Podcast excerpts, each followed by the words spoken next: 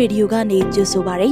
။မြစီမရေဒီယိုဟာမြမပြည်သူများအတွက်ထုတ်လွှင့်တင်ဆက်ပေးလျက်ရှိပါတယ်။ကျမတို့ရဲ့မြစီမရေဒီယိုကိုနေ့စဉ်ည6နာရီခွဲမှည9နာရီခွဲထိလိုင်းဒိုမီတာ16မီတာစက္ကွန်တသမခွန်3မဂါဟက်စ်ကနေပြီးတော့ဖမ်းယူနားဆင်နိုင်ပါပြီ။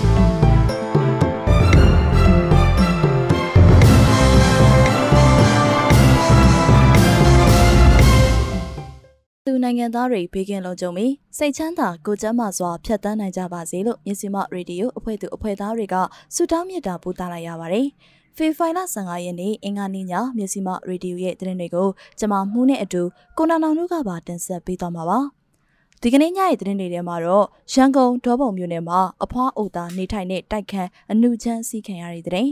စစ်ကောင်စီပြစ်ခတ်ဖမ်းဆီးထောင်ချထားတဲ့အမျိုးသမီးအရေးပေါ်စေကူတာဖို့လိုအပ်နေတဲ့အကြောင်း စောဒေတာ၃ရက်တိုက်ပွဲတွေအတွင်းစစ်ကောင်စီတပ်ဖွဲ့ဝင်25ဦးသေဆုံးဟု PDF ပြောရတဲ့ဟာခါမြို့မှာစစ်တပ်နဲ့တပ်ဟုဆွဆွဲပြီးတော့စစ်ကောင်စီတပ်ကလူငယ်2ဦးကိုဖမ်းဆီးတဲ့တဲ့စတဲ့ပြည်တွင်းသတင်းတွေစီးပွားရေးသတင်းတွေနဲ့နိုင်ငံတကာသတင်းတွေဘက်မှာတော့ရုရှားရဲ့စစ်ပွဲချင်းချောက်မှုကိုဖြေလျှော့နိုင်ဖို့ဂျာမန်ခေါင်းဆောင်ယူကရိန်းကိုတားရောက်တဲ့တဲ့ယူကရိန်းပဋိပက္ခကြောင့်ဈေးကွက်ပြိုလဲပြီးရေနံဈေးတွေတက်လာမှာကိုစိုးရိမ်နေတဲ့တဲ့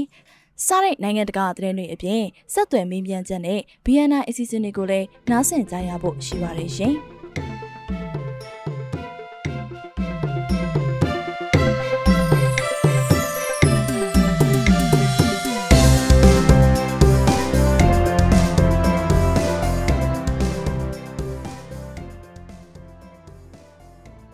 မင်္ဂလာပါရှင်ပြည်ရင်းသတင်းတွေကိုကျွန်မမှုကစတင်တင်ဆက်ပေးပါတော့မယ် ရန်ကုန်ဒေါပုံမြို့နယ်မှာအဖွားအိုသာနေထိုင်တဲ့တိုက်ခန်းအနုချမ်းစီးခံရတဲ့တဲ့မှာ ရန်ကုန်တိုင်းဒေါပုံမြို့နယ်မှာအဖွားအိုတအူရဲရှိနေတဲ့တိုက်ခန်းကိုအမှုကြံဝင်စီမှုဖြစ်ပွားခဲ့ကြောင်းရက်ကွက်နေပြည်သူတွေထံကနေသိရပါတယ်။ဖေဖိုင်လာ15ရက်နေ့မနက်10:00နာရီကျော်ကနွေအေးရက်ကွက်တစ်စည်းကွေ့မိဘအနီးယူစနတလန်မှာရှိတဲ့6လတိုက်ခန်းမှာဖြစ်ပွားခဲ့ခြင်းဖြစ်ပါတယ်။အခန်းထဲမှာအဖွားတယောက်တည်းရှိနေတော့အမှုကြံစီးခံရတာသိရတာကတော့ရေတောင်းတောက်တဲ့ပုံစံနဲ့အဖွားကရေခတ်ပေးနေတော့အမှုကြံစီးတာလို့နွေအေးရက်ကွက်မှာနေထိုင်နေသူကပြောပါတယ်။အဖွားကိုလူရက်နေတာကိုရက်ကွက်နေပြည်သူတွေကသိရှိလိုက်တာကြောင့်အနုချမ်းစီးသူကိုဝိုင်းဝန်းဖမ်းဆီးခဲ့ကြောင်းသိရပါတယ်။ရက်ကွက်ကတီးလို့ဝိုင်းဖမ်းတာမိသွားတယ်။အဖွားအိုကလူတဲ့ကောင်ရိုက်လို့ဒဏ်ရာနည်းနည်းရသွားတယ်ဆိုပြီးအဲဒီရက်ကွက်မှာနေထိုင်နေသူတအုပ်ကပြောပါတယ်။ရန်ကုန်တိုင်းမှာလူရက်မှုကပိုင်းနိုင်မှုတွေပုံပုံဖြစ်ပွားလာကြောင်းရန်ကုန်မြို့မှာနေထိုင်တဲ့သူတွေထံကနေသိရပါတယ်။ဆက်လက်ပြီး စစ်ကောင်စီပြစ်ခတ်ဖမ်းဆီးထောင်ချထားတဲ့အမျိုးသမီးအရေးပေါ်စေကူတာဖို့လိုအပ်နေတဲ့တဲ့ကိုတင်ဆက်ပေးကြပါမယ်။စစ်ကောင်စီတပ်ဟာတနက်နေ့ပြစ်ခတ်ဖမ်းဆီးခံရတဲ့အမျိုးသမီးတအိုဒဝဲအကျဉ်းထောင်အတွင်းအစာအိမ်နဲ့တဲချီပျက်စီးခဲ့ပြီးတော့အရေးပေါ်စေကူတာဖို့လိုအပ်နေကြောင်းဒဝဲနိုင်ငံအကျဉ်းသားများကွန်ရက် DPPN ကထုတ်ပြန်ထားပါတယ်။အသက်34နှစ်အရွယ်မက်ခင်ကေခိုင်ဆိုသူဟာတရက်ချောင်းမြို့နယ်ဝင်းကဖော်ကြီးရွာကိုစစ်ကောင်စီတပ်တွေဝင်ရောက်စင်မှာရန်တမ်းပစ်ခတ်ပြီးတော့ကြီးစံထိမှန်ပြီးဖမ်းဆီးခံခဲ့ရသူဖြစ်ကြောင်းဆိုပါတယ်။သူကိုဒဝဲထောင်တင်တရားရုံးကဖေဖော်ဝါရီလ10ရက်နေ့မှာပုံမှန်905ကကြီး52ကကြီးတို့နဲ့အလုံးနဲ့ထောင်ဒဏ်9နှစ်အမိန့်ချခဲ့ကြောင်း DPPN ကဖော်ပြပါတယ်။တနက်တန်ရကြောင့်ဒဝဲစင်းရုံကနေတဆင့်စစ်ဆေးရုံမှာစေကုသပေးခဲ့ပြီးတော့ဒဝဲထောင်ကိုပို့ဆောင်ခဲ့ခြင်းဖြစ်ပါတယ်။လက်ရှိဝမ်ဘိုင်အတွင်းပိုင်းအစာအိမ်နဲ့တဲချေပြက်စီးတဲ့ဝေဒနာခံစားနေရပြီးအရေးပေါ်စေကုသဖို့လိုအပ်နေကြောင်း DPPN ရဲ့တာဝန်ရှိသူကပြောပါတယ်။ထောင်မှာကျွေးတဲ့အစားအစာတွေနဲ့ထိရမှုမရှိတဲ့ဆေးဝါးတွေကြောင့်လည်းဒဏ်ရာအခြေအနေပုံမဆိုးရနေတယ်ဆိုပြီးသူကပြောပါတယ်။တဝက်အချင်းထောင်မှာစေကူတောက်မှုခံယူဖို့လိုအပ်နေတဲ့အမျိုးသမီး၃ဦးရှိနေကြောင်းဆိုပါတယ်။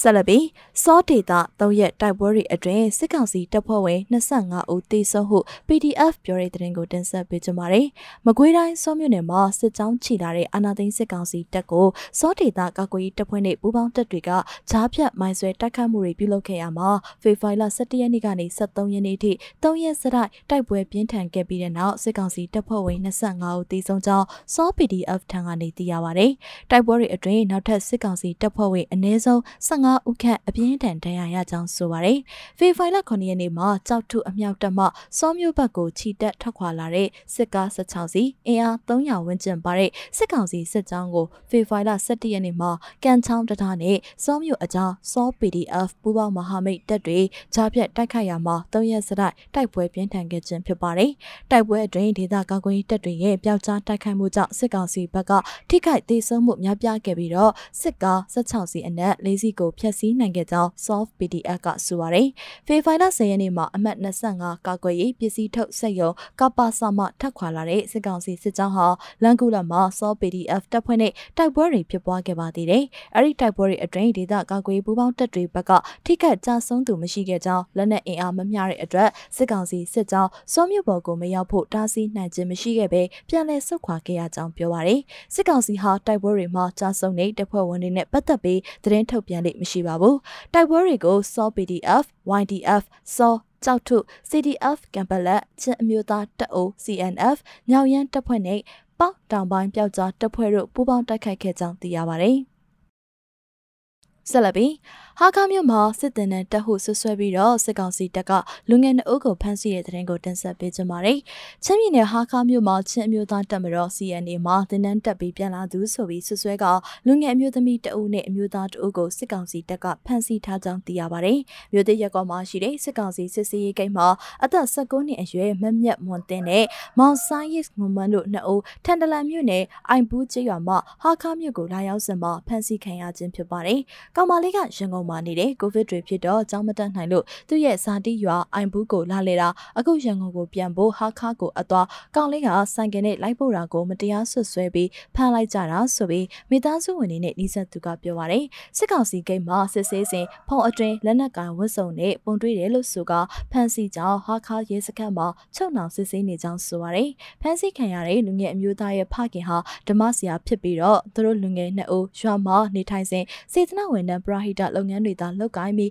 ချင်းကာကွယ်တပ်ဖွဲ့တွေနဲ့ပတ်သက်မှုမရှိကြောင်းဒေသခံကပြောပါရယ်စစ်ကောင်စီဝါဒပြန်52 news သတင်းမှာအကြံဖတ်အဖွဲ့ဝင်နှစ်ဦးဖမ်းမိဆိုတဲ့ခေါင်းစဉ်နဲ့ရေးသားထားပြီးတော့စစ်ကြောရေးမှာနှိပ်စက်ခံရကအသက်အန္တရာယ်ရှိနိုင်ကြောင်းအကြံဖတ်ပုံမှန်တွေနဲ့မတရားဆွဲဆိုခံရမှာကိုဆိုရင်ကြောင်းမိသားစုတွေနဲ့နှိစက်တဲ့သူကဆိုပါရယ်သူတို့ကိုဖေဖော်ဝါရီလ15ရက်နေ့ဒီကနေ့အထိမြေသည့်နေရာမှာချုံနှောင်ထားတာကိုမတိကျမသိရသေးကြောင်းမိသားစုဝင်နဲ့နှိစက်သူတွေထံကနေသိရပါတယ်ရှင်။ ကြန့်ရှိနေသေးတဲ့ပြည်တွင်းသတင်းတွေကိုကိုနာနောင်ကဆက်လက်တင်ဆက်ပေးသွားမှာပါ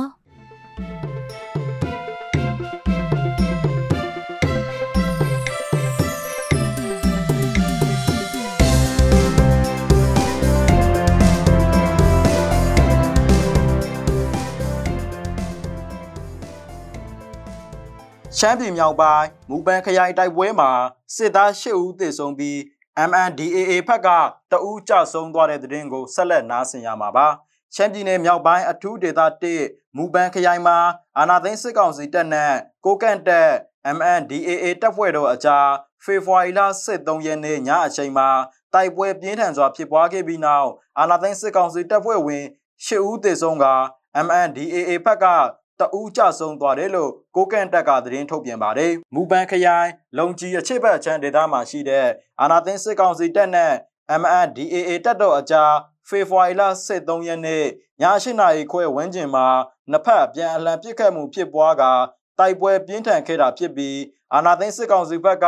တိုင်းလေရင်နဲ့ပစ်ခတ်ခဲ့တယ်လို့ MNDAA ကဆိုပါတယ်။အဲဒီလိုပြင်းထန်တဲ့ပစ်ခတ်မှုမှာအာနာသိန်းစစ်ကောင်စီတပ်ဖွဲ့ဘက်က 10ဦးသေဆုံးပြီးကိုကန့်တက် MNDAA ဘက်ကတော့တဦးကြဆုံးသွားတာလည်းဖြစ်ပါတယ်။အဲဒီနောက်ဖေဖော်ဝါရီလ14ရက်နေ့မနက်တနာရီဝန်းကျင်မှာ MNDAA ထိန်းချုပ်နေမြေဖြစ်တဲ့အထူးဒေသ1မန်ရန်တပ်စခန်းနဲ့ချီတိကြတောက်ကုန်းဘိုကိုအာနာသိန်းစစ်ကောင်စီဘက်ကတိုက်လေရင်နဲ့လာရောက်ဘုံကျဲတဲ့အပြင်စက်တနက်တွေစနိုက်ပါရိုင်ဖယ်တွေနဲ့အချက်90တဲ့မနေ့ပြစ်ခတ်တိုက်ခိုက်ခဲ့တယ်လို့ MNDAA ကဆိုပါတယ်။ ချမ်ပြည်နယ်မြောက်ပိုင်းအထူးဒေသ1မှာ MNDAA တပ်ဖွဲ့နဲ့အာနာသိန်းစစ်ကောင်စီတပ်တော်အကြားပြီးခဲ့တဲ့ဇန်နဝါရီလနဲ့ဖေဖော်ဝါရီလဆန်းပိုင်းကစလို့တိုက်ပွဲတွေခက်စိတ်စိတ်ထပ်မံဖြစ်ပွားလာနေပြီးအကြအဆုံများနေတဲ့အာနာသိန်းစစ်ကောင်စီတပ်ကတိုက်လေရင်တွေနဲ့တိုက်ခိုက်လာနေတာကိုတွေ့ရပါတယ်ခင်ဗျာအခုဆက်လက်ပြီးတော့ဟာခါမြို့မှာစစ်တင်တန်းတက်နေတယ်လို့ဆွတ်ဆွဲပြီးတော့အာနာသိန်းစစ်ကောင်စီတပ်ကလူငယ်2ဦးကိုဖမ်းဆီးသွားတဲ့တဲ့တင်ကိုဆက်လက်နားဆင်ရမှာပါ စကိုင်းတိုင်းတန်းစင်မြို့နယ်ဖလန်ချိုင်ရွာနဲ့ရှောင်းစုံရွာမှာရှိတဲ့လူနေအိမ်တွေကိုအာနာသိန်းစစ်ကောင်စီတပ်သားတွေနဲ့ပြူစောတိစောသူတွေကဒီကနေ့ဖေဖော်ဝါရီလ15ရက်နေ့မနက်ပိုင်းမှာမီးရှို့ဖျက်ဆီးသွားတယ်လို့ဒေသခံတွေစီကသိရပါတယ်။ဖလန်ချိုင်ရွာမှာအင်ရှေ3လုံးခန့်မီးလောင်ပျက်စီးသွားတယ်လို့ဒေသခံကဒီကနေ့မနက်9နာရီမှာမြစ်စီမကိုသတင်းပေးပို့လာပါတယ်။အကုတ်ကားရွာကဒီကနေ့မနက်ပိုင်းမှာ ရှေလျင်ထွက်လာတဲ့အာနာသိန်းစစ်ကောင်စီတပ်သားတွေနဲ့ပြူစောတိစောသူတွေကလက်ရှိအချိန်ထိအဲ့ဒီကျေးရွာတွေမှာရှိနေသေးတယ်လို့ဒေသခံတွေစီကသိရပါတယ်။မင်းညကတန်းစေစခန်းကနေကား၃စီးလာတာကားတွေကိုပြန်လှော့ပြီးညတုန်းကစင်ငင်နာဆင်းနေကြတာဒီနေ့မနက်မှဖလန်ဆိုင်ကိုရှေလျင်တက်သွားတာ ဖလန်ဆိုင်ကလူနေအိမ်သုံးလုံးမီးရှို့ပြီးချောင်းစုံရွာတောင်ဘက်ကိုဆက်သွားပြီးဆက်မီးရှို့တာချောင်းစုံမှာတော့ဘယ်နှလုံးမီးရှို့ခံလိုက်ရလဲမသိဘူးလို့ဒေသခံတအူကမြစည်းမကိုပြောပါတယ်ရှောင်းစုံရွာတောင်ပိုင်းအုပ်စုအုပ်ချုပ်ရေးမှူးဥအောင်ရှိုဆိုသူက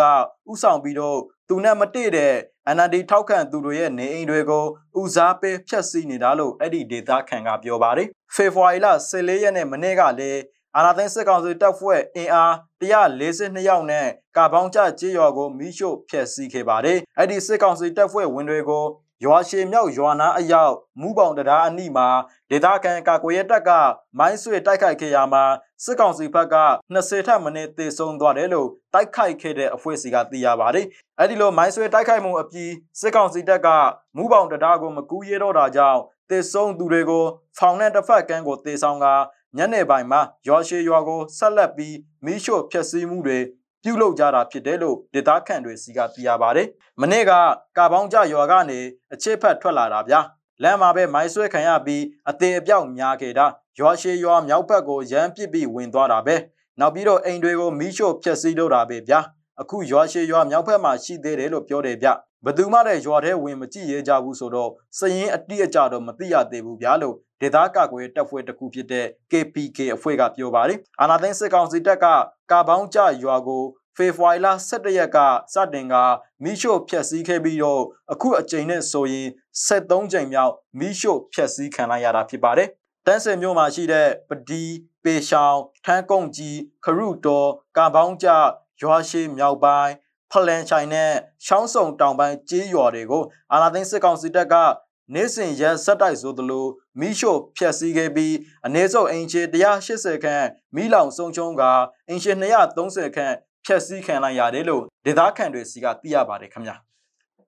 မြန်မာစစ်တပ်ကိုလက်နက်ရောင်းချမှုရပ်ဆိုင်းဖို့ပါကစ္စတန်ကို Bahamas Campaign UK ကတောင်းဆိုလိုက်တဲ့သတင်းကိုဆက်လက်နားဆင်ရမှာပါ မြန်မာအာဏာသိမ်းအကြမ်းဖက်စစ်တပ်ကိုလက်နက်ရောင်းချထောက်ပံ့မှုရပ်ဆိုင်းရေးပါကစ္စတန်ဝန်ကြီးချုပ်အင်မရန်ခန်ကိုမြန်မာအရေးလှုပ်ရှားတဲ့ဘာမတ်ကမ်ပိန်း UK ကတောင်းဆိုထားပါတယ်။ပါကစ္စတန်ဟာမြန်မာစစ်တပ်နဲ့ကာလရှည်ကာကွယ်ရေးပူးပေါင်းဆောင်ရွက်မှုသဘောတူညီချက်တစ်ခုရှိပြီးအထူးသဖြင့် JF-17 တိုက်လေယာဉ်အပါအဝင်လက်နက်တွေနဲ့စစ်ဘက်ပစ္စည်းကိရိယာတွေကိုရောင်းချထောက်ပံ့ပေးထားခဲ့တာပါ။အခုအခါမှာပါကစ္စတန်ဟာမြန်မာစစ်တပ်ကိုစိန်ပြောင်းတွေ ဘုံပြစ်လောင်ချာတွေနဲ့ဆက်တနက်ကြီးတွေအပြင်နောက်ထပ်တိုက်လေယာဉ်တွေနဲ့ဒုံးကျည်တွေကိုပါရောင်းချသွားဖို့ရှိနေတယ်လို့မီဒီယာတွေရဲ့သတင်းတွေအရသိရပါတယ်။လက်နက်တွေကိုပို့ဆောင်မှုမတိုင်မီစစ်ဆေးဖို့အတွက်မြန်မာစစ်တပ်ကိုယ်စားလှယ်အဖွဲ့တစ်ခုလည်းမကြာမီပါကစ္စတန်ကိုတွားရောက်မယ်လို့သိရပါတယ်။အဲ့ဒီတိုက်လေရင်တွေတနက်တွေစိန်ပြောင်းတွေနဲ့ဒုံးကျည်တွေဟာအရသာပြည်သူတွေကိုတိုက်ခိုက်ရာမှာအသုံးပြုမှာဖြစ်တဲ့အတွက်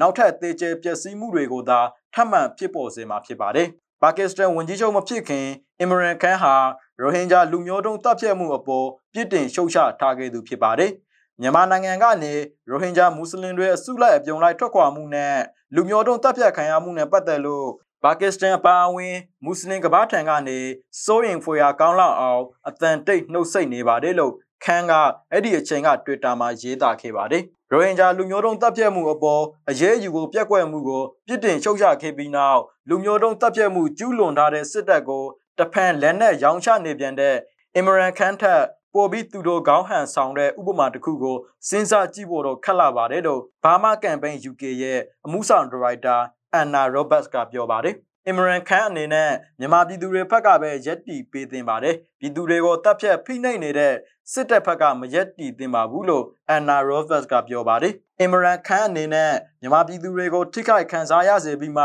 အကျိုးအမြတ်ရယူနေတာကိုရက်ဆိုင်ရပါလိမ့်မယ်မြန်မာစစ်တပ်ကိုလက်နက်တပ်ဆင်ပေးတာနဲ့အတူအမရန်ခန်းဟာလည်းမြန်မာစစ်တပ်ကျူးလွန်တဲ့လူအခွင့်ရဲ့ရှိုးဖောက်မှုတွေမှာပါဝင်ကျူးလွန်သူဖြစ်နေပါလိမ့်မယ်လို့သူကပြောသွားခဲ့ပါတယ်ခင်ဗျာဖလန်းမြို့အရှိဆိုင်စစ်ကောင်စီတပ်ကကျေးလက်စီမံကိန်း ရှင်းငွေကျပ်360ခိုးယူသွားတဲ့တဲ့တင်ကိုဆက်လက်နားဆင်ရမှာပါ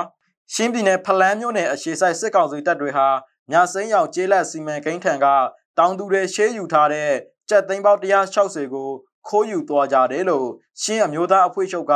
ဒီကနေ့ဖေဖော်ဝါရီလ15ရက်နေ့မှာသတင်းထုတ်ပြန်ပါတယ်။ဖလန်မျိုးလှမ်ဇော်ကြီးရွာကဒေသခံတွေကတောင်ယာမှာအဲ့ဒီငွေတွေကိုဖတ်ထားရာကနေခိုးယူခံလိုက်ရတာဖြစ်တယ်လို့ပြောပါတယ်။ အာနာသိန်းစစ်ကောင်စီတပ်ဖွဲ့ဝင်တွေဟာအဲ့ဒီလမ်းကျောတစ်ချောင်းမှာရှိတဲ့တန်ဖိုးကြီးပစ္စည်းတွေတလိမ့်ဆန်တွေကိုလည်းခိုးယူသွားကြောင်းထုတ်ပြန်ချက်မှာဖော်ပြထားပါတယ်။ခင်းချူစကန်အနီးမှာရှိတဲ့ရွာတွေမှာစစ်ကောင်စီတပ်ဖွဲ့တွေကတက်ဆွဲထားကြတာပြီးခဲ့တဲ့လာတုန်းကလည်းအဲ့ဒီနားကရွာတွေကိုဖျက်ဆီးခဲ့ပြီးပြီးအခုလည်းပြည်သူတွေမွေးမြူထားတဲ့ငါးကန်တွေကိုဖျက်ဆီးသွားကြတယ်။ဘာကြောင့်ဒီလိုဖျက်ဆီးတယ်လဲဆိုရင်သူတို့တွေဒီတစ်ခေါက်မှာမိုင်းတွေထိပြီး တော်တော်လဲလူသေးတယ်။ဒဏ်ရာရတယ်။ဒါကြောင့်6လောက်တာထင်တယ်လို့ဒေသခံတအူကပြောပါတယ်။ပြီးခဲ့တဲ့ဖေဖော်ဝါရီလ12ရက်က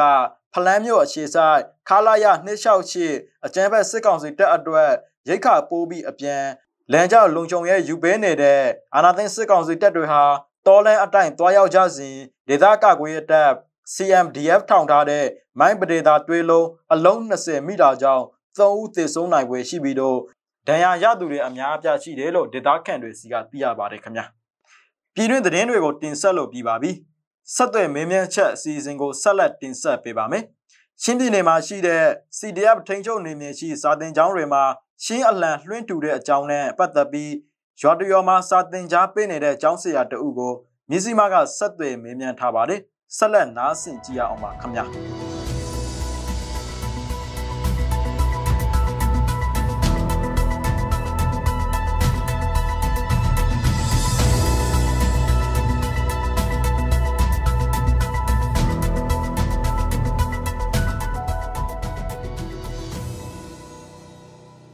င်းတပ်မြို့နယ်နဲ့ထန်တလန်မြို့နယ်မှာရှိတဲ့ကျင်းဒေသကာကွယ်ရေးအဖွဲ့ CDF ထင်းချုပ်နေမျိုးတွေမှာចောင်းသားចောင်းသူတွေထောင်ထဲချီပြီးစာတင်ကြားနေတဲ့အပြင်ပထမဆုံးအပြောင်းလဲတစ်ခုဖြစ်တဲ့စာတင်ကျောင်းတွေမှာချင်းလန်ကိုလွှင့်ထူပြီးចောင်းတက်နေကြခြင်းဖြစ်ပါတယ်။ကြည့်ပြီးဝမ်းသာပီတိဖြစ်ရတယ်လို့ဆိုတဲ့စာတင်ကြားပေးနေသူစေတနာဝန်ထမ်းចောင်းဆရာတအုပ်ကအခုလိုပဲပြောပါတယ်။ပြင်ကျွန်တော်တို့ဆရာဆရာမတွေရဲ့ခါစားချစ်စွန်းတော့ကျွန်တော်ရဲ့ခါစားချစ်စွန်းတော့ ကျွန်တော်တို့မွေးကလေးရနဲ့ဒီလိုမျိုးအလုပ်လုပ်ဖို့ဒါတွေလည်းရှိတယ်ဒါပေမဲ့အခုတော့ကျွန်တော်တို့ကျွန်တော်ပီတီဖြစ်တဲ့အလုပ်မတွေ့ဘူးမကြုံဘူးတဲ့ဘူးမလုပ်ဘူးတဲ့ဘူးအခုအလုပ်ကကျွန်တော်ကိုငယူဆုံးမဲ့လို့ပြောမလားဘာလို့လဲဆိုတော့ကိုအခုကျွန်တော်တို့ရဲ့ကျောင်းရဲ့စီမင်းစီကန်ကြီးလည်းကျွန်တော်တို့ပဲ အတူတကူအားလုံးကြီးဆွေးတာဒီလိုဒီလိုဖြစ်မဲ့ဘာညာကျောင်းသားရဲ့ဟိုစီမင်းစီကန်လည်းပြီးအခုရှေရှေမာရီရဲ့စီမင်းစီကန်ကြီးလည်းကျွန်တော်တို့အားလုံးကြီးဆွေးပြီးမှသဘောတူပြီးမှအဲ့လိုလောက်တာကျွန်တော်တို့ရဲ့ဟိုပီတီဖြစ်မှုအဲ့ဒါဒီကျွန်တော်တို့ဒီအလာအောက်မှာအဲ့လိုစာတင်ပြခွင့် ရှိမေဆိုတာလုံးဝမထင်ဖက်တဲ့အရာလဲဒီအလိုင်းကိုဒီမှာထောင်မေဆိုတာလဲလုံးဝမမျှော်လင့်တဲ့အရာကျွန်တော်ကအဲ့ဒီ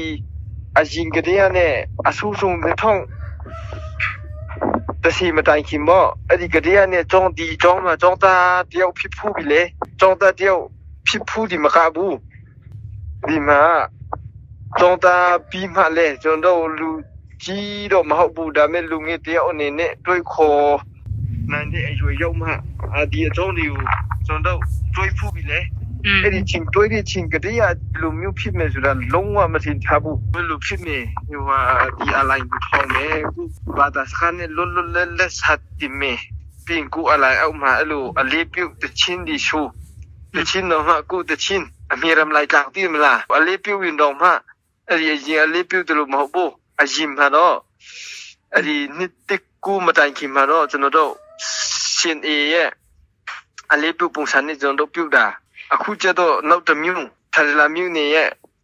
ပညာကြီးခေါင်းဆောင်တွေကအဲ့လိုလောက်ကြရအောင်ဆိုတဲ့ဟိုဟာတခုရှိတယ်အဲအဲ့ဒါနဲ့ကျွန်တော်တို့အလေးပြုတဲ့ပုံစံနဲ့ကျွန်တော်တို့ကူဟန်နဲ့ပေါ့ကူစတိုင်နဲ့အဲလောက်ပြီးဆိုတော့ကျွန်တော်တို့ကပီတီတော့ဖြစ်တာပေါ့ဝမ်းလေဝမ်းတာတာပေါ့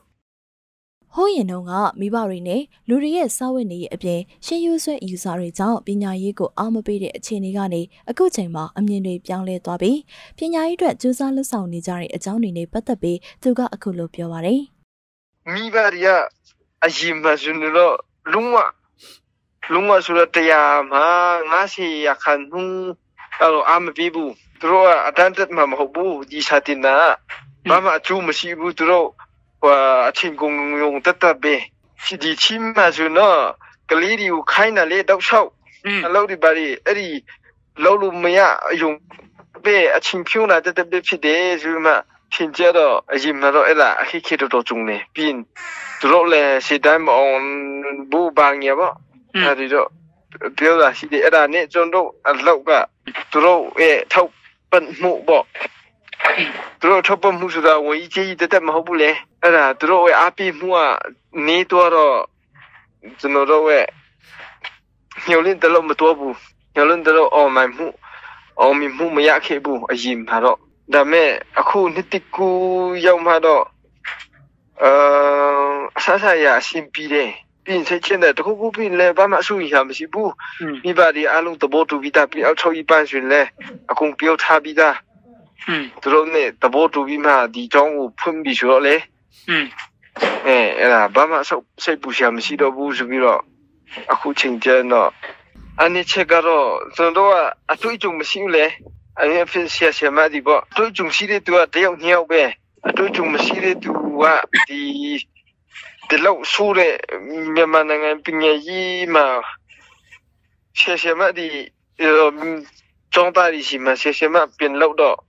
လုံးဝတော့ခက်တာပေါ့အဲ့ဒါသူတို့နားလေဒီပိုင်းတော့อืมအခက်ခဲရှိလို့တယ်နာဆိုတော့အနိချက်တော့အတွေ့အကြုံလုံးဝမရှိသေးတာပဲပြီးရင်အရင်မတော့ငါတို့တင်တိုင်းမတက်ဘူးလေအခုနောက်ပိုင်းမှာတင်တိုင်းတက်ပြီးမှ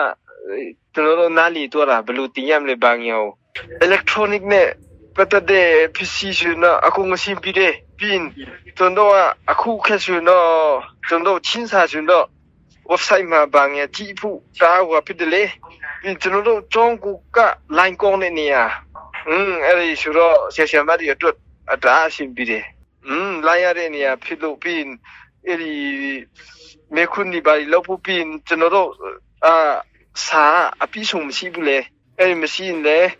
ကိုပီချက်ဒီပါရှိတော့အမြင်နဲ့ကူလို့ရတယ်ငါမင်းစမီနီမှာအတိတ်နဲ့ပြန်ထောက်ပြီးမှကြောင်းတတ်တယောက်ရဲ့အလူကတော့အေးရှိရှိဖြစ်ရှိလို့ရတယ် ကျွန်တော်ကလုံထုံနေပြီဆိုတော့ကျွန်တော်တို့လုံးဝအားသာချက်ပဲအစားကတည်းကဒီတော့ဆိုဆိုတော့ security ကတာကောင်းတယ်လေစဘုံမတော့ခင်းလာဗာနေ security ရစားတော့တာဒီအထိဒီရောအထိပဲတော့ဆောက်အဲဆိုလုံးဝလုံထုံမှုရှိလို့ကျွန်တော်လည်းဒီလူကြောင်းတဲ့နန္ဒာတော့လုံးဝငင်းလို့မရဘူးအဲ့ဒါတော့ ချင်းပြည်နယ်မှာရှိတဲ့ချင်းဒေသကာကွယ်ရေးအဖွဲ့ဖြစ်တဲ့ CDF ထိန်းချုပ်နေမြေအချို့မှာရှိတဲ့စာသင်ကျောင်းတွေမှာချင်းအလံတွေလွှင့်ထူပြီးကလရစ်ကိုပညာသင်ကြားပေးလျက်ရှိကြောင်းဒေသခံတွေထံကနေသိရပါဗျ။ချင်းပြည်နယ်မှာရှိတဲ့ CDF ထိန်းချုပ်နေမြေမှာရှိတဲ့စာသင်ကျောင်းတွေမှာချင်းအလံလွှင့်ထူတဲ့အကြောင်းနဲ့ပတ်သက်ပြီးတော့ရွာတရွာမှာစာသင်ကြားပေးနေတဲ့ဆရာတအုပ်ကိုမြေစီမာကဆက်သွယ်မေးမြန်းထားတာကိုနားဆင်ခဲ့ရတာပါ။နားဆင်ပေးခဲ့တဲ့အတွက်ကျေးဇူးတင်ပါတယ်ရှင်။ ကျမတို့ရဲ့ပြည်စုမရေဒီယိုကိုနေ့စဉ်ညနေ6နာရီခွဲမှ9နာရီခွဲအထိတိုင်းတူမီတာ16မီတာ7.3တက်မှခွန်3မဂါဟက်စ်ကနေပြီးဖမ်းယူနိုင်စင်နိုင်ပါပြီ။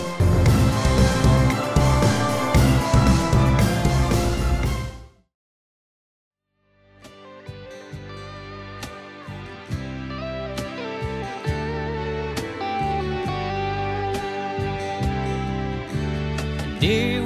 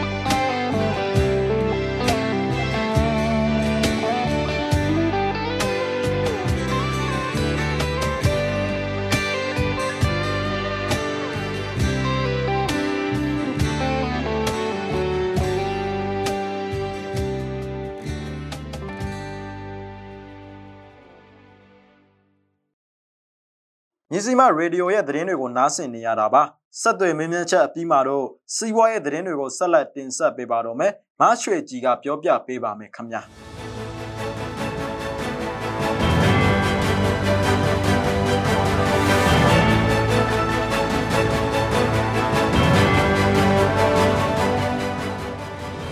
ဒီကနေ့အတွက်နောက်ဆုံးရရှိထားတဲ့စီးပွားရေးသတင်းတွေကိုတင်ဆက်ပေးပါတော့မယ်။မြန်မာစစ်တပ်ပိုင်းစီးပွားရေးလုပ်ငန်းဖြစ်တဲ့ မြန်မာစီးပွားရေးဥပိုင် Limited MEHL နဲ့မြန်မာဘီယာထုတ်လုပ်တဲ့ကုမ္ပဏီကိုပိုင်ဆိုင်မှုအငင်းပွားနေတဲ့ Kirin Holding ဂျပန်ဘီယာလုပ်ငန်းစုကမြန်မာနိုင်ငံမှထွက်ခွာတော့မည်ဖြစ်ကြောင်း Kirin ကုမ္ပဏီကဖေဖော်ဝါရီလ14ရက်နေ့မှာထုတ်ပြန်ကြေညာလိုက်ပါတယ်။နိုင်ငံအတွင်းဖြစ်ပေါ်နေတဲ့လူ့ခွင့်ရေးချိုးဖောက်မှုတွေကြောင့်လို့ Kirin ဘက်ကပြောကြားထားပြီးစစ်တပ်အာဏာသိမ်းမှုနောက်ပိုင်းနိုင်ငံအတွင်းကထွက်ခွာသွားတဲ့ပထမဆုံးဂျပန်ကုမ္ပဏီတစ်ခုဖြစ်လာခဲ့ပါတယ်။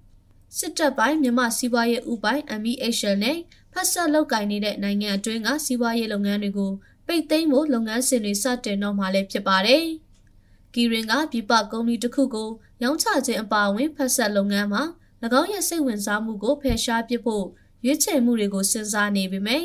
၎င်းကဇွန်လမှာသဘောတူညီချက်ကိုအပြီးသတ်ဖို့ရည်ရွယ်ထားတာဖြစ်ပါတယ်။သူအနေနဲ့ MEHL နဲ့အကျိုးတူဆောင်ရွက်နေတဲ့ဖက်ဆက်လုပ်ငန်းကိုဖျက်သိမ်းပြီးနောက် မြန်မာနိုင်ငံမှာ၎င်းရဲ့ဘီယာလုပ်ငန်းကိုဆက်လက်လုပ်ကိုင်မှုမျှော်လင့်ထားပေမဲ့လည်းရင်းကအဆင်မပြေခဲ့ဘူးလို့ Nikkei Asia ကရေးသားထားပါတယ်။မြန်မာဘီယာပါဝင်ဘီယာအမှတ်တစိတ်9မြို့ခန့်ထုတ်လုပ်နေတဲ့မြန်မာ Brewery ကိုကီရင်က51ရာခိုင်နှုန်းနဲ့ဥပိုင်က49ရာခိုင်နှုန်းပိုင်ဆိုင်ထားပြီးမိဖက်ဆက်ဆံရေးကိုရပ်တန့်ပစ်ဖို့ကီရင်ကဖေဖော်ဝါရီလမှာဆုံးဖြတ်ခဲ့တာဖြစ်ပါတယ်။ကီရင်က၎င်းရဲ့ share အားလုံးကိုစစ်ဘက်နဲ့ဆက်နွယ်ချိတ်ဆက်မှုမရှိတဲ့ ကုမ္ပဏီတစ်ခုထံရောင်းချဖို့စီစဉ်နေပုံရပြီးဝယ်သူနဲ့အယောင်းတန်ဖို့ကိုဇွန်လကုန်မှာဆုံးဖြတ်မယ်လို့သိရပါတယ်။မြန်မာစစ်တပ်ကလူ့ခွင့်ရေးချိုးဖောက်မှုများနဲ့ပတ်သက်ပြီးကီရင်ကုမ္ပဏီကမြန်မာစစ်တပ်ပိုင်ဥပိုင်ကို2020ခုနှစ်မှာအမျက်ဝေစုခွဲဝေပေးခြင်းကိုရပ်ဆိုင်းထားခဲ့တဲ့ကုမ္ပဏီလည်းဖြစ်ပါတယ်။မြန်မာနိုင်ငံမှာစစ်အာဏာသိမ်းပြီးနောက်စစ်တပ်ရဲ့ဆိုးဝါးတဲ့လူ့ခွင့်ရေးချိုးဖောက်မှုတွေကြောင့်ကမ္ဘာထိပ်တန်းရေနံကုမ္ပဏီကြီးများနဲ့တယ်လီနောဆက်သွယ်ရေး operator အပါအဝင် နိုင်ငံခြားယင်းနှိမ့်မြုပ်နှံမှုကုမ္ပဏီပေါင်း20ကျော်က၎င်းတို့ရဲ့မြန်မာနိုင်ငံတွင်းလုပ်ငန်းများကိုရပ်ဆိုင်းပြီးထွက်ခွာတော့မယ်လို့ကြေညာထားကြတာပဲဖြစ်ပါတယ်။လေကြောင်းနဲ့လိုက်ပါမဲ့ခီးသည်တွေအနေနဲ့ကိုဗစ်ကာကွယ်ဆေးထိုးပြီးသည်ဖြစ်စေမထိုးရသေးသည်ဖြစ်စေကိုဗစ်စစ်ဆေးမှုကိုခံယူရမယ်လို့စစ်ကောင်စီရဲ့ကျန်းမာရေးဝန်ကြီးဌာနကဖေဖော်ဝါရီလ23ရက်နေ့မှာထုတ်ပြန်ထားပါတယ်။ယခုထုတ်ပြန်ချက်ဟာ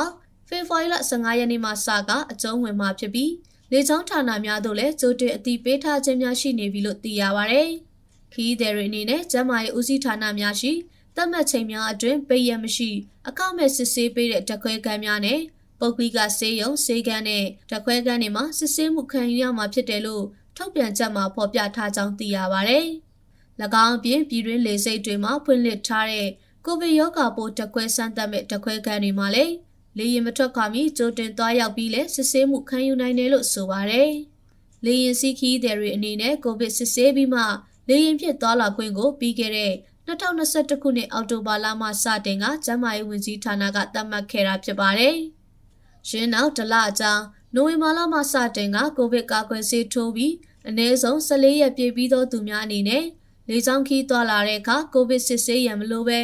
ကိုဗစ်ကာကွယ်ဆေးအကြိမ်ပြည့်မထိုးရသေးသူများသာစစ်ဆေးရမယ်လို့ထုတ်ပြန်ခဲ့ပါတယ်။မြန်မာနိုင်ငံမှာဖေဖော်ဝါရီလ23ရက်နေ့ထိကိုဗစ်တကွဲအတည်ပြုလူနာစုစုပေါင်း9,46,982ဦးနဲ့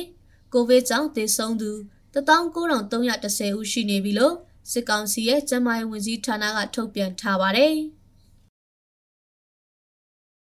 မွန်ပြည်နယ်ဈေးကွက်အတွင်းမပဲနဲ့ပဲတီစိန်ဟာပြီးခဲ့တဲ့၄လနဲ့နှိုင်းယှဉ်ရင် တည်င်းကိုကျပ်4000ကနေကျပ်9000ထိဈေးနှုန်းကျဆင်းလာတယ်လို့ပဲလုပ်ငန်းရှင်တွေကပြောပါတယ်။ပြီးခဲ့တဲ့နိုဝင်ဘာလမှာတည်င်းကိုကျပ်4000ထိရှိခဲ့တဲ့ပဲတီစိန်ဟာဖေဖော်ဝါရီလလဆန်းပိုင်းမှာတော့တည်င်းကိုကျပ်3600ထိဈေးနှုန်းကျဆင်းလာသလိုမပဲကလည်းတည်င်းကိုကျပ်4500ကနေကျပ်3800ထိဈေးနှုန်းကျဆင်းလာတာဖြစ်ပါတယ်။ပဲဈေးနှုန်းဟာအိန္ဒိယကဝယ်ယူမှုလိုအပ်ချက်ပြည့်မီသွားပြီးနောက် ဈေးကွက်အတွင်းဝယ်လိုအားနည်းတာကိုအကြောင်းပြပြီးဈေးနှိမ်ဝယ်ယူနေတာကြောင့်ဈေးနှုန်းကျဆင်းရတာလို့ပဲလုပ်ငန်းရှင်တို့ကပြောပါရယ်လက်ရှိမှာတော့ပဲဆိုင်တောင်းသူတွေဟာစစ်တပ်အာဏာသိမ်းပြီးနောက်သွင်းရစုကုန်ပစ္စည်းတွေဖြစ်တဲ့ဓမြေဩဇာဆေးဝါးနဲ့73စီဈေးနှုန်းအပါအဝင်အထွေထွေကုန်ကျစရိတ်ကြီးမြင့်မှုကိုရင်ဆိုင်နေရသလိုပုံမှန်ကြရမှုတံကိုလည်းကြုံတွေ့နေကြရတာဖြစ်ပါတယ်။ဒါကြောင့်ပဲထွက်ကာလမှာပဲစင်းနှုတ်ထက်မှန်ကျဆင်းလာမယ်ဆိုရင် အရှုံးနဲ့ရင်ဆိုင်ရဖို့ရှိနေတယ်လို့ပဲဆိုင်တောင်သူတွေကပြောပါတယ်။မွန်ပြည်နယ်မှာတော့စောင်းတိနတ်ပဲတွေဖြစ်တဲ့ပဲတီစိန်မပဲနဲ့ပဲပုတ်တို့ကိုရေးမြို့နယ်ကလွဲပြီးကြံမြို့နယ်အားလုံးမှာစိုက်ပျိုးထုတ်လုပ်နေတာဖြစ်ပါတယ်။ပြီးခဲ့တဲ့သတင်းပတ်နှစ်ပတ်အတွင်းမပဲတံပေါက်ဈေးကကျပ်9000ခန့်ဈေးပြုတ်ကျသွားကြောင်းဘင်းအောင်ကုန်စီတိုင်ကနေ့စဉ်ထုတ်ပြန်နေတဲ့ဈေးကွက်ချက်လက်တွေမှာဖော်ပြနေပါတယ်။ဇန်နဝါရီလကုန်ပိုင်းကမပဲတံကို ကျပ်73သိန်းအထိဈေးရရှိခဲ့ပေမယ့်ဖေဖော်ဝါရီလ10ရက်နေ့မှာတော့တဒံပေါက်ဈေးကကျပ်12သိန်း3000ကိုကျဆင်းသွားတာဖြစ်ပါတယ်။ပြည်တွင်းရဲ့အဝယ်လိုအားကျဆင်းခြင်းနဲ့အိန္ဒိယဘက်ကမပဲတင်သွင်းခွင့်ကာလကိုတိုးမြင့်လိုက်ခြင်းကြောင့်ဖြစ်တယ်လို့အေယာကုန်သွယ်မှုဗဟိုဌာန ATC ကခန့်မှန်းထားပါတယ်။ကမ္ဘာရွှေဈေးမြင့်တက်ခြင်းကြောင့်မြမရွှေဈေးဟာလည်းကျပ်19သိန်းနီးပါးသို့ရောက်ရှိလာပြီးနေမရွှေများဝင်ရောက်လာခြင်းကြောင့် ပြန်လည်ရောင်းချမှုများနေကြောင်းရန်ကုန်တိုင်းရွှေလုပ်ငန်းရှင်များအသင်းမှသိရပါဗျ။ကမ္ဘာရွှေဈေးနှုန်းမှာရခင်က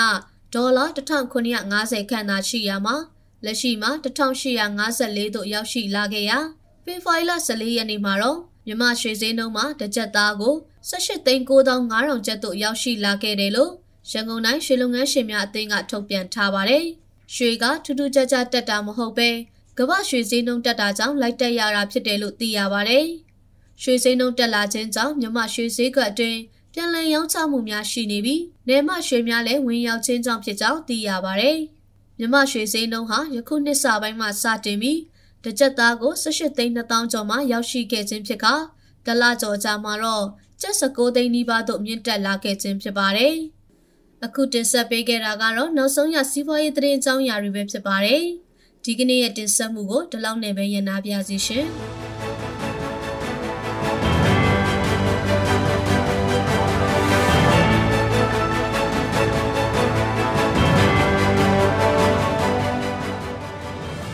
စီးပွားရေးသတင်းတွေအပြီးမှာတော့နိုင်ငံတကာကသတင်းတွေကိုဆက်လက်နားဆင်ရမှာပါကိုຫນွေဦးမောင်ကတင်ဆက်ပေးထားပါတယ်ခင်ဗျာ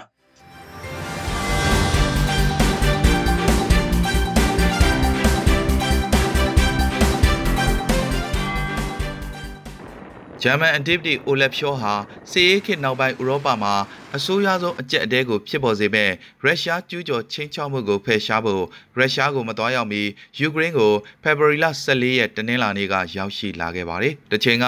ကရင်မလင်လက်အောက်ရှိဆိုဗီယက်နိုင်ငံဟောင်းတွေမှာမဟာမိတ်တိုးချဲ့လာမှုနဲ့ပတ်သက်ပြီးနေတိုးနဲ့အငင်းခုန်ဖြစ်ရာကယူကရိန်းနယ်စပ်မှာတပ်ဖွဲ့ဝင်တသိန်းကျော်ချထားလာတဲ့အကြောင်းရင်းကိုရှင်းလင်းရန်အတွက်ယူကရိန်းကရုရှားနဲ့အရေးတကြီးတွေ့ဆုံဖို့ကြိုးပမ်းနေစဉ်မှာအိုလက်ဖြောရဲ့ယခုလိုခီးစဉ်ထွက်ပေါ်လာခြင်းဖြစ်ပါတယ်။ အမေရိကန်ဥဆောင်တဲ့ကာကွယ်ရေးမဟာမိတ်တပ်ဖွဲ့အနေနဲ့၎င်းတို့တပ်ဖွဲ့ဝင်တွေကိုပြန်လည်ရုပ်သိမ်းပြီးယူကရိန်းကိုအဖွဲ့ဝင်အဖြစ်လက်မခံဖို့ပူတင်ရဲ့လုံခြုံရေးအာမခံချက်တောင်းဆိုမှုတွေကိုအနောက်နိုင်ငံတွေကတညီတညွတ်ထဲညှင်းဆန်ထားပါတယ်။ ဒါပေမဲ့သတင်းပတ်များအတွင်တန်တမန်ရေးဆွေးနွေးပွဲတွေဟာရုရှားအတွက်ကျူးကျော်စစ်ကိုပြင်ဆင်ဖို့အချိန်ပေးတယ်လို့ဖြစ်နေပြီးပူတင်ကယူကရိန်းကိုတိုက်ခိုက်ဖို့ဆုံးဖြတ်ချက်ပုံမခိုင်မာလာမှာကိုအမေရိကန်ထောက်လှမ်းရေးအရာရှိတွေကစိုးရိမ်နေကြပါတယ်။ရုရှားကရုတ်တရက်ကျူးကျော်ဝင်လာခဲ့ရင်ခုခံကာကွယ်နိုင်ဖို့အတွက်ကရုတ်ကျင်းတွေတူးနေတယ်လို့မော်စကိုကြောတောင်နောက်ခံပြုခွဲထွက်ရေးသဘုံတွေရှိရာရှေ့တန်းစစ်မျက်နှာအနီးက15နှစ်အရွယ်ဒေသခံတူဖြစ်သူမစ်ခိုင်လိုအန်နိုဘာက AFP ကိုပြောပြပါတယ်။ရုရှားအနေနဲ့အခုအချိန်မှာနေချင်းညာချင်းကျူးကျော်တိုက်ခိုက်ဖို့အသင့်ဖြစ်နေပြီလို့ဝါရှင်တန်ကတနင်္လာနေ့မှာထပ်မံအတည်ပြုထားပါတယ်စစ်ပွဲကိုဟန်တာဖို့တန်တမန်ရေးအရာကြိုးပမ်းမှုမအောင်မြင်တဲ့အတွက်ရုရှားကယူကရိန်းကိုရပ်ပိုင်းတွင်တိုက်ခိုက်လာနိုင်ကြောင်းအမေရိကန်ကသတိပေးပြီးတဲ့နောက်မှာ အာရှနဲ့ဥရောပဈေးကွက်တွေအတွင်းလှုပ်ခတ်သွားပြီးရေနံဈေးနှုန်းတွေဖေဖော်ဝါရီလ14ရက်တနင်္လာနေ့ကမြင့်တက်လာခဲ့ပါတယ်။အမေရိကန်သမ္မတဂျိုးဘိုင်ဒန်နဲ့ခေါင်းဆောင်တွေကရုရှားကိုနောက်ပြန်ဆုတ်ဖို့တောင်းဆိုမှုတွေကိုရုရှားသမ္မတဗလာဒီမီယာပူတင်ကပယ်ချလိုက်ပြီးနောက်ပိုင်းဥရောပအရှေ့ပိုင်းမှာအနောက်အင်အားကြီးနိုင်ငံတွေကပဋိပက္ခအတွက်ပြင်ဆင်လာချိန်မှာနယူးယောက်နဲ့ဥရောပမှာရောင်းအားထိခိုက်မှုတွေတောက်ကြနေကစတင်လာခဲ့ပါတယ်။ အစိုးရတွေကမိမိတို့နိုင်ငံသားတွေကိုယူကရိန်းကထွက်ခွာဖို့ပြောကြားထားပြီးအမေရိကန်အမျိုးသားလုံခြုံရေးအကြံပေးဂျေ့ဆူလီဗန်ကကျူးကျော်ဝင်ရောက်မှုဟာအချိန်မရွေးဖြစ်လာနိုင်ပြီးဒုံးကျည်တွေပြစ်လွတ်တိုက်ခိုက်မှုနဲ့ပြောင်ပြောင်တင်းတင်းစတင်လာနိုင်တယ်လို့ပြီးခဲ့တဲ့သတင်းပတ်ကသတိပေးထားပါတယ်။ဂျာမနီအဒစ်တီအိုလက်ရှော့ကအကြက်တဲကိုဖြည့်ရှင်းဖို့ကြိုးပမ်းမှုအဖြစ်ကီယက်နဲ့မော်စကိုကိုတွားရောက်ဖို့ပြင်ဆင်နေပါတယ်။ ဂျာတာပရီနေကချက်လက်တွေအရအမေရိကန်ရဲ့ငွေကြေးဖောင်းပွားမှုဟာ January လမှာခံမှန်းခြေ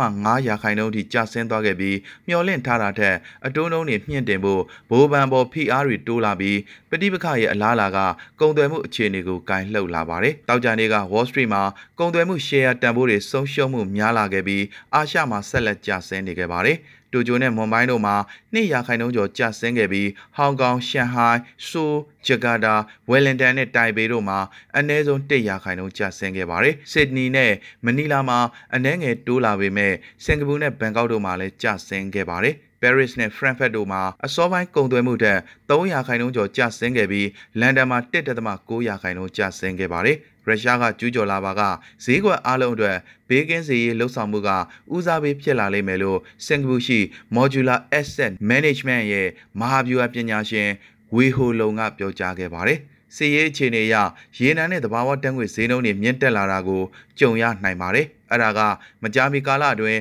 ငွေကြေးဖောင်းပွားမှုကိုပုံမဆိုးရွားလာစေပြီးဈေးကွက်ကြီးတစ်ခုလုံးစွန့်စားရနိုင်တဲ့အရွေးတစ်ခုကိုဖြစ်ပေါ်စေနိုင်တယ်လို့၎င်းကမှတ်ချက်ပေးခဲ့ပါတယ်။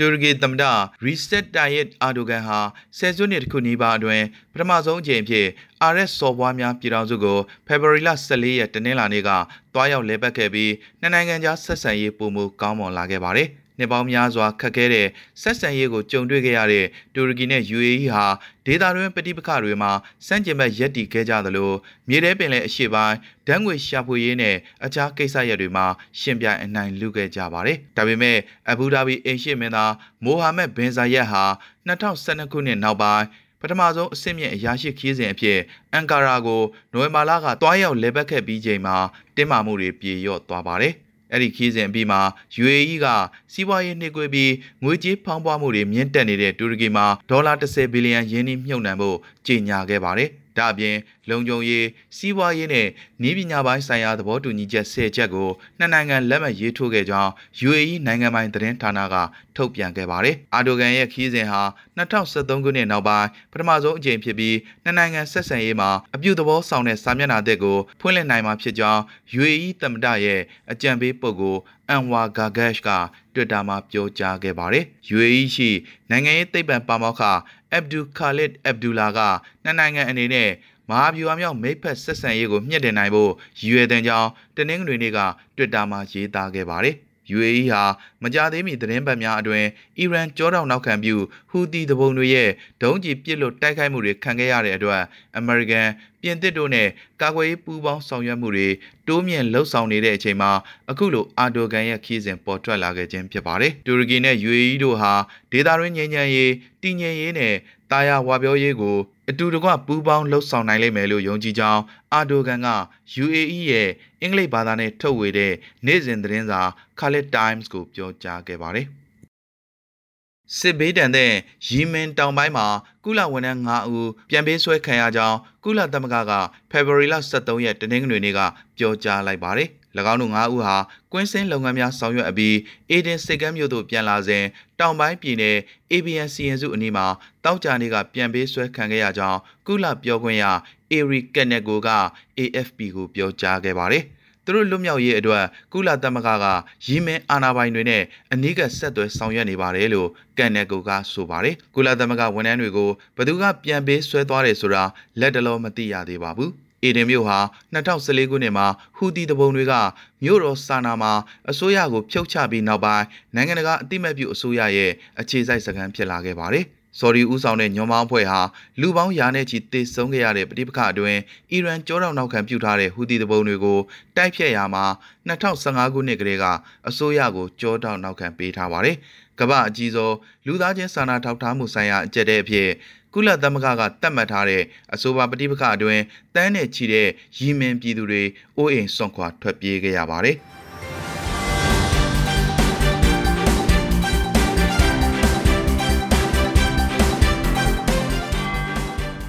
စီအစဉ်ကိုနားဆင်ကြရမှာပါ BNI ဝိုင်းတော်သားတွေကဆက်လက်တင်ဆက်ပေးမှာပါခင်ဗျာ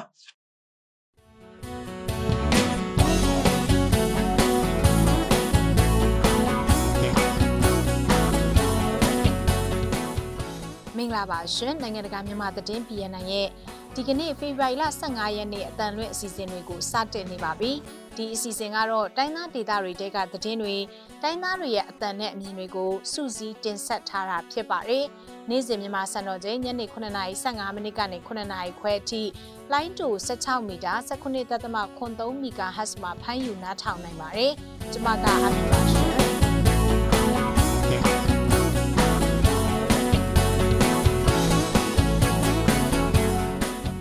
ဒီနေ့မှာကြားကြရမယ့်သတင်းတွေကတော့ခရီနီပြည်နယ်မှာနာရေးလုတဲ့အိမ်ကိုစစ်ကောင်စီကဒရုန်းနဲ့ထောက်လန်းပြီးတော့လက်နက်ကြီးနဲ့ပစ်ခတ်ခဲ့ပါတယ်။လေးကေကောစစ်ဆောင်တွေကနေရက်မပြန်နိုင်သေးပဲဖြစ်နေပါတယ်။အာနာသိမ့်ပြီးတဲ့နောက်ရှမ်းပြည်နယ်ထဲမှာမူရစ်စေဝါပေါ်များလာပြီးနောက်ဆက်တွဲကြုံနေရတာတွေအကြောင်းနောက်ပိုင်းမှာတင်ဆက်ပေးထားပါတယ်။သတင်းတွေကိုတော့ကျမနဲ့အတူစိုင်းမွန်းကနေတင်ဆက်ပေးသွားမှာပါရှင်။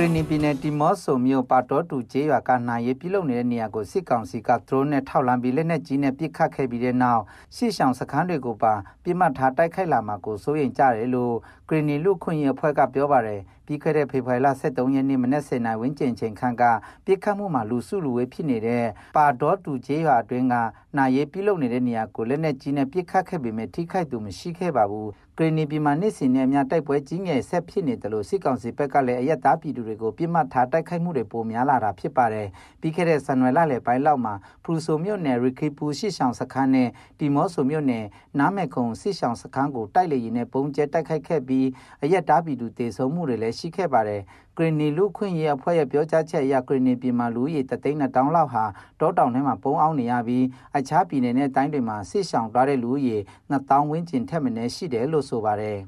လေးကီကောတိုက်ပွဲကြောင့်နှစ်လကြာဘေးလွတ်ရာကိုထွက်ပြေးတိမ်းရှောင်နေကြရတဲ့စစ်ဘေးရှောင်ပြည်သူတွေဟာဒီကနေ့အချိန်ထိနေရက်ကိုမပြန်ရဲကြသေးဘူးလို့စစ်ဆောင်အရေးကူညီပေးနေတဲ့ကရင်လူခွင့်ရင်အဖွဲ့ KHRG ကပြောပါတယ်။ ပြီးခဲ့တဲ့ဒီဇင်ဘာလ14ရက်နေ့ကစပြီး KNU ရဲ့၄ကီကောမြို့တစ်ထဲကိုစစ်ကောင်စီတပ်တွေက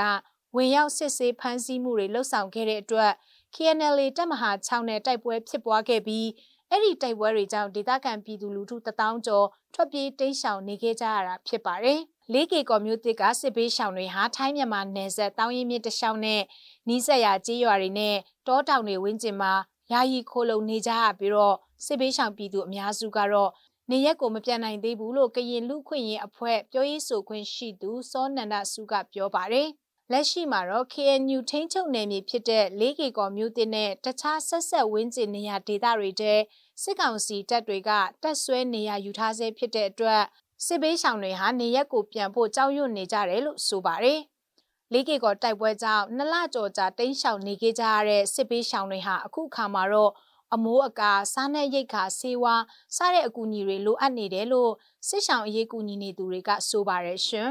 ။မြစ်ကြီးနားမြို့စီတာပူရက်ွက်တီတာအေးငားမှာဖွင့်လှစ်ထားတဲ့ Grace Happyland မိပမဲ့ကလေးပြုစုဆောင်ရှောက်ရေးကျောင်းနေကျောင်းသူကျောင်းသားတွေဟာအစာအစိတ်တစ်မီမြစ်ကြီးနားဆေးရုံကြီးမှာဆေးကူတမှုခံယူနေရပါတယ်။မနေ့ကဖေဖော်ဝါရီ14ရက်နေ့ကအလူရှင်မိသားစုတစုက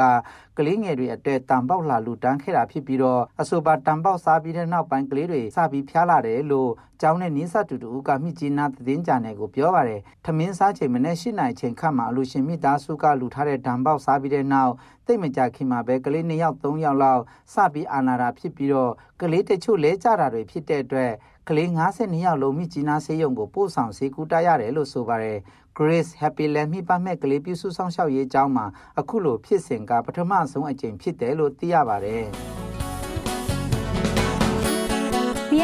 BNI Radio ကသတင်းတွေကိုတင်ဆက်ပေးနေတာဖြစ်ပါတယ်။နေ့စဉ်မြန်မာစံတော်ချိန်ညနေ9:15မိနစ်ကနေ9:00ခွဲအထိလိုင်းတူ16မီတာ19.3 MHz မှာဖမ်းယူနားထောင်နိုင်ပါတယ်။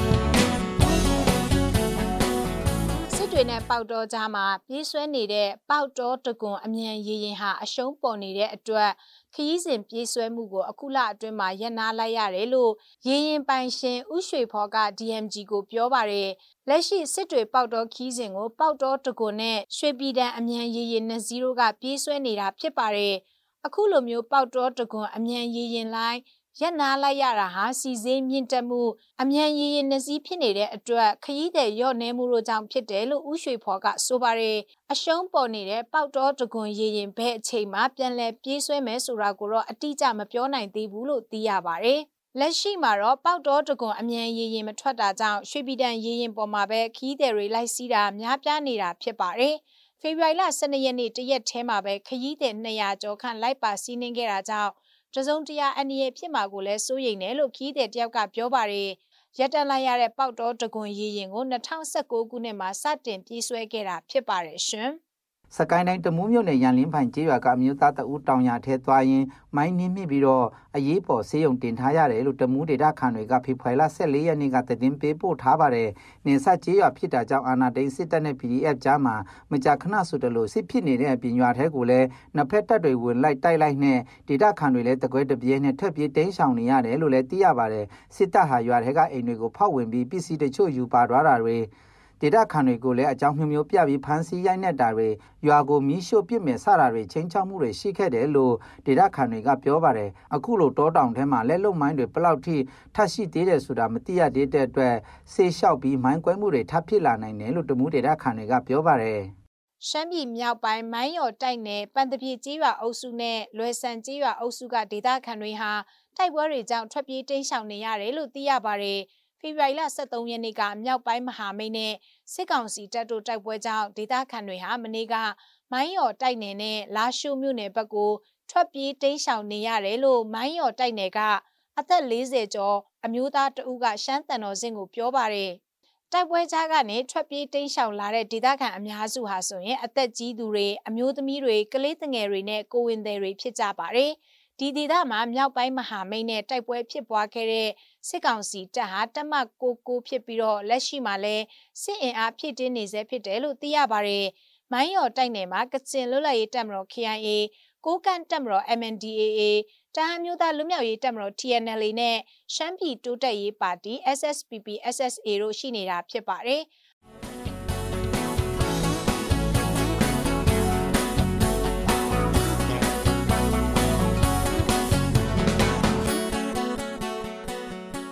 တော့သတင်းလွှာတွေကိုဆက်လက်နားဆင်ကြရမှာပါစစ်ကောင်စီကဖိတ်ခေါ်ကျင်းပခဲ့တဲ့တိုင်းရင်းသားလက်နက်ကိုင်အဖွဲ့အစည်းတွေနဲ့စစ်ကောင်စီရဲ့ထာဝရငြိမ်းချမ်းရေးအတွက်အကြိုညှိနှိုင်းဆွေးနွေးပွဲကိုအလွတ်သဘောတွေးဆုံမှုလောက်ပဲလုပ်နိုင်ခဲ့တယ်လို့တက်ရောက်ခဲ့တဲ့အဖွဲ့အစည်းတွေကဆိုပါတယ်ဒီအကြောင်းကိုတော့မွန်သတင်းအေဂျင်စီကမိဒေစီကတင်ဆက်ပေးထားပါတယ်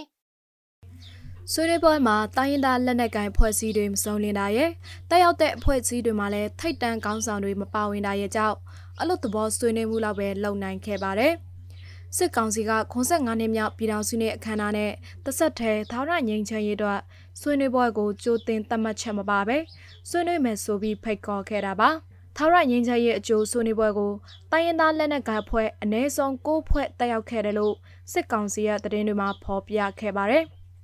မွန်ပြည်သစ်ပါတီကတော့ပြည်ထောင်စုနေ့ခန္ဓာကိုကိုစလဲနှစ်ဦးဆေးလုပ်ခဲ့ပြီးသာရငင်းချရေးဆွေးနွေးပွဲကိုတက်ရောက်ဖို့မရှိဘူးလို့ပြောဆိုထားပေမဲ့အလို့သဘောတွေ့ဆုံဖြစ်ခဲ့တယ်လို့တာဝန်ရှိသူတို့ကပြောပါတယ်။ကျွန်တော်တို့မွန်ပြည်သစ်အနေနဲ့ကြတော့လောလောဆယ်အနေထားအရကျွန်တော်တို့ကဟိုအထူးထွေဆွေးနွေးဖို့တော့မရှိဘူး။အဓိကတော့ဒီနေ့လေ7နာရီလောက်ကဆွေးနွေးပွဲလေးတော့လုပ်ဖြစ်တယ်။တွေ့ဆုံပွဲပေါ့နော်တွေ့ဆုံပွဲလေးထဲမှာတော့သူကတော့ ဒီအဖွဲ့အစည်းလိုက်ပေါ့နော်အဲ့ဒါဘာဒီများ ဆွေးနွေးစရာ ရှိပါတယ်လို့တော့ဟိုလမ်းကြောင်းပြောဖွင့်ပြီးတော့ ပြောတာပဲပေါ့နော် မူလကသာရငိမ့်ချရေးအကျိုးညှိနှိုင်းဆွေးနွေးပွဲဖြစ် ကျင်းပဖို့ ရည်ရွယ်ခဲ့ပေမဲ့ တိုင်းရင်းသားလက်နက်ကိုင်အဖွဲ့ တော်တော်များများက မူလကတည်းကငိမ့်ချရေးဆွေးနွေးပွဲကို တက်ရောက်ဖို့ မရှိဘူးဆိုတဲ့ ဆုံးဖြတ်ချက်တွေကြောင့် နေပြီးတော့ MICC2 ခမ်းမှာမှာ ဒီတွေ့ဆုံဆွေးနွေးပွဲကိုတွေ့ဆုံဆွေးနွေးပွဲအဖြစ်တာကျင်းပခဲ့တာပါ NCA လမ်းကြောင်းကိုအခြေပြုပြီးငင်းချရေးဖော်ဆောင်ဖို့အကြောင်းအရာတွေကိုငင်းချရေးဖော်ဆောင်ရေးကော်မတီဘက်ကဒီဆွေးနွေးပွဲမှာအဓိကဆွေးနွေးခဲ့တယ်လို့လည်းရခိုင်ပြည်လွတ်မြောက်ရေးပါတီရဲ့ဒုဥက္ကဋ္ဌတော်စောမြရာစာလင်းကပြောပါတယ်သူတို့ဘက်ကတော့ NCA လမ်းကြောင်းကိုအခြေပြုပြီးတော့မှဒီငင်းချရေးဖော်ဆောင်ဖို့အကြောင်းအရာတွေကိုသူတို့ဘက်ကရှင်းပြတယ်ဒီလမ်းမှာဆွေးနွေးဆုံးဖြတ်နိုင်တော့မရှိဘူးဆိုလို့ရှိရင်လည်း ကိုယ့်ရဲ့ကောင်းဆောင်တွေစီကိုတည်သွားပါအချိန်မရွေးမေးလို့ရတယ်အချိန်မရွေးဆက်သွယ်လို့ရတယ်ဆိုတော့ပုံစံမျိုးပေါ့အဲ့ဒါကိုကျိုးရပြီးတော့ပြောပြတယ်ဒီအဓိကကတော့သူတို့တွားချင်တဲ့နိုင်ငံကြီးအဲဒီမှချက်တွေကိုပြောပြတာပါ စစ်ကောင်စီရဲ့ဆွေးနွေးပွဲကိုအပြည့်ရလက်မှတ်ထိုးထားတဲ့ရခိုင်ပြည်လွတ်မြောက်ရေးပါတီ ARP ဒီမိုကရေစီအကျိုးပြုကရင်တပ်မတော် DKBA ကရင်ငြိမ်းချမ်းရေးကောင်စီ KNU KNLA ရှမ်းပြည်ပြည်လဲသူထောင်ရေးကောင်စီ RCSS လာဟူဒီမိုကရက်တစ်စီယုံ LDU နဲ့မွန်ပြည်သစ်ပါတီ NMSB တို့တက်ရောက်ခဲ့ပါတယ်အပြည့်ရလက်မှတ်မထိုးရသေးတဲ့အဖွဲ့တွေမှာတော့မိုင်းလာအဖွဲ့ဖြစ်တဲ့အမျိုးသားဒီမိုကရက်တစ်မဟာမိတ် NDAA ရှမ်းပြည်တိုးတက်ရေးပါတီ SSPB နဲ့ရခိုင်မျိုးသားအဖွဲ့ချုပ် ULAAA တို့ကတက်ရောက်ခဲ့ပါတယ်။ညနေပိုင်းမှာတော့ငင်းချရေးဖော်ဆောင်မှုကော်မတီနဲ့တိုင်းရင်းသားလက်နက်ကိုင်အဖွဲ့တွေတစ်ဖွဲ့ချင်းတိချစီတွေ့ဆုံဆွေးနွေးတာတွေရှိခဲ့တယ်လို့နိုင်ငံရေးပါတီတွေကိုတော့သာရငင်းချရေးအကျိုးဆွေးနွေးပွဲကိုတက်ရောက်ဖို့ဖိတ်ကြားခဲ့တာမရှိသလိုအခုကျင်းပတဲ့အလို့သဘောဆွေးနွေးမှုတွေမှာလည်းတက်ရောက်ခဲ့တာမရှိပါဘူးရှင်။ နမ်တူမှာမူရစ်စေးတုံးဆွဲလူငယ်တဦးကလင်မယားနှစ်ယောက်ကိုဓာတ်ထိုးတက်မှုဖြစ်ပွားခဲ့ပါတယ်။အာနာသိမ့်ပြီးတစ်နှစ်ကျော်ကြာလာတဲ့ကာလမှာရှမ်းပြည်နယ်ကမြို့နယ်အသီးသီးမှာတော့မူရစ်စေးဝါပေါ်များလာမှုခိုးဆိုးလူရက်မှုဓမြမှုတွေတစ်နေ့ထက်တစ်နေ့ပိုပြီးတော့တိုးများလာနေတဲ့အကြောင်းတွေကိုရှမ်းတန်တော်စင်ဝိုင်းတော်သားစိုင်းမွန်းကနေစူးစီးတင်ဆက်ပေးထားပါတယ်ရှင်။ ဖေဖော်ဝါရီလ23ရက်နေ့တုန်းကနမ်တူမြို့တပ်တုတွင်လှုပ်ငါအမတ်တရက်ကွက်ညောင်ပင်လိုင်းမှာနေထိုင်တဲ့လင်မယားနှစ်ယောက်ကိုလူငယ်တအူးကနေအိမ်တွင်းဝင်ရောက်ပြီးဓာတ်နဲ့ထိုးတက်ခဲ့ပါတယ်။တေဆုံးတူမှာဦးဝင်းအေးနဲ့တော်ရီဝင်းတို့လင်မယားဖြစ်ပြီးဦးဝင်းအေးမှာကောင်းတဲ့လက်ဘေးမှာဓာတ်တန်ရာရှစ်ချက်စနီးဖြစ်သူတော်ရီဝင်းဟာလည်းကုတ်မှာဓာတ်တန်ညာနဲ့အိမ်ထဲမှာလဲကျတေဆုံးနေပါတယ်။မူရစေဝါသုံးပြီးလူတက်မှုကျူးလွန်တယ်လို့ယူဆရသူကိုရဲစခန်းကဖမ်းဆီးထားတယ်လို့နမ်ဒူမြို့တုရဲမှုရဲရင်အောင်ကအခုလိုပြောပါတယ်။ ဟောမနေ့ကဖြစ်တာဟုတ်တယ်ဗျမိပြီမိပြီတရားခံမိတာပြီနော်အခုမှတရားဆွဲဆိုဖို့လုပ်နေလို့မရှိသေးဘူးတော့နှစ်ပေါ့နော်ဒီကမျိုးရှမ်းပြည်နယ်တည်တည်မှာမူရစ်စေဝါအများအပြားပေါ်များနေပါတယ်။တေရခါမျိုးတမိတဦးကတော့မူရစ်စေဝါရောင်းတဲ့သူထုတ်လုပ်တဲ့သူကိုမဖမ်းဘဲမူရစ်စေဝါသုံးဆဲတဲ့သူကိုသာဖမ်းမိတဲ့အတွက်မူရစ်စေပြဿနာကိုဖြေရှင်းနိုင်မှာမဟုတ်ဘူးလို့ပြောပါတယ်။ခေါင်းညက်တင်ညက်ကိုခုနကကိုကြီးပုံကနဲ့နော်။ခေါင်းညက်ပြန်နဲ့ လက်နက်ကင်တပ်ဖွဲ့တွေကတော့မူရစ်စေးဝါတိုက်ဖြတ်တယ်လုပ်နေတယ်လို့တော့ပြောနေတာပဲအဖွဲ့စည်းတိုင်းကတော့အဲ့လိုပြောတာပဲလက်တွေ့မှာကထုတ်လုပ်တဲ့လူရောင်းဝယ်ဖောက်ကားတဲ့သူတွေကိုမဖမ်းဘူးရဲကောစစ်တပ်ကောပဲအခုလူငယ်တွေကမူရစ်စေဝါတအားသုံးနေတယ်အကျင့်စာရိတ္တလည်းတအားပြက်ပြားနေတယ်အိမ်လဲခိုးဖောက်တယ်အိမ်ရှိမှခင်းထားတဲ့မြောင်းကာတဲ့တန်ချောင်းတွေတန်ပြားတွေပါမကြအကုန်ခိုးယူနေတယ် ရှမ်းစာပေပြန့်ပွားရေးအတွက်ຫນွေရာတီတီနန်လက်ပေးနေတဲ့ပရာဟိတကျောင်းဆရာလူငယ်တဦးကမူရစ်စေဝါပေါ်များမှုကြောင့်ဘဝလုံခြုံမှုမရှိတော့ဘူးလို့ပြောပါတယ်။အော်ဟုတ်ကဲ့ခင်ဗျအာကျွန်တော်နေထိုင်တဲ့ဒေတာမှာပေါ့နော်။အရင်နှစ်ဆိုရင်အာမွေးစေဝါတွေပေါ်များမှုတော့မရှိဘူးပြီးတော့မှအာလောင်းကစားတွေဘာညာမရှိဘူးပေါ့နော်အာဒီတနေ့ကတော့မွေးစေဝါလဲတော်တော်များလာရခင်ဗျပြီးတော့မှမွေးစေဝါလဲစုံတာပေါ့နော် အခုလိုမူရည်စေဝါပေါ်များတာဟာတရားဥပဒေစိုးမိုးမှုမရှိတဲ့အတွက်နိုင်ငံတကာအပါအဝင်အားလုံးပါဝင်ဖြည့်ရှင်းမှတာမူရည်စေဝါပြဿနာဖြည့်ရှင်းနိုင်လိမ့်မယ်လို့ရှမ်းပြည်မူရည်စေဝါစောင့်ကြည့်လေ့လာရေးအဖွဲ့ခေါင်းဆောင်ဦးခွန်ဆိုင်ကသုံးသပ်ပါတယ်။ဒါကြောင့်မလို့ဒီကိစ္စကိုဖြေရှင်းမယ်ဆိုရင်အာကိုယ်နိုင်ငံကြီးပဲဖြေရှင်းရင်မပြီးဘူးပေါ့နိုင်ငံတကာလည်းပါဝင်ဖို့လိုတာပေါ့နော် အားလုံးကပေါင်းပြီးတော့မှဖြေရှင်းရမှာပေါ့ဒီလိုမျိုးဖြေရှင်းပြီဆိုလို့ရှိရင်အဓိကဟိုမြက်ွယ်ပြုလို့မရတာကကျွန်တော်တို့ဒီမှာရှိနေတဲ့ဒေါ်လာရေးအဖွဲ့အစည်းတွေပါတီအဖွဲ့အစည်းတွေလူမှုအဖွဲ့အစည်းတွေအကုန်လုံးကပူပေါင်းတော့မှဖြည့်ရှင်းမှသူကဖြည့်ရှင်းနိုင်တယ်လို့ကျွန်တော်ပြောချင်ပါတယ်ဗျာ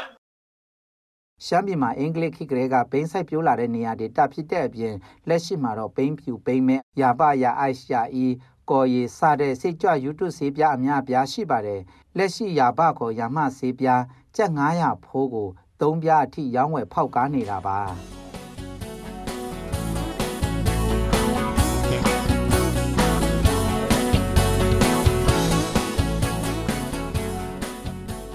နားဆင်ခဲ့ကြရတာကတော့ BNI Radio ကနေ့စဉ်သတင်းအစီအစဉ်ပဲဖြစ်ပါတယ်ဒီအစီအစဉ်ကိုနေ့စဉ်မြန်မာစံတော်ချိန်ညနေ9:15မိနစ်ကနေ9:00ခွဲအထိ15မိနစ်ကြာထုတ်လွှင့်နေတာဖြစ်ပါတယ်။နားဆင်ပေးတဲ့အတွက်ကျေးဇူးတင်ပါတယ်ရှင်။ကျွန်မကအမီပါ။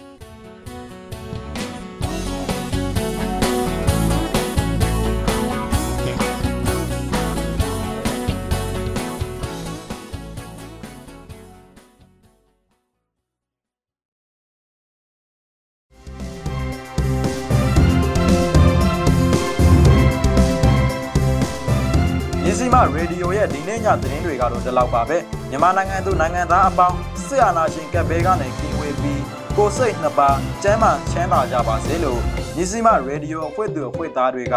ဆုတောင်းမေတ္တာပို့သလိုက်ရပါတယ်မြန်မာပြည်သူတွေနဲ့အတူရက်တည်နေမဲ့ညီစီမရေဒီယိုပဲဖြစ်ပါတယ်နားဆင်ကြကြသူတွေအားလုံးကျမ်းမာကြပါစေခင်ဗျာ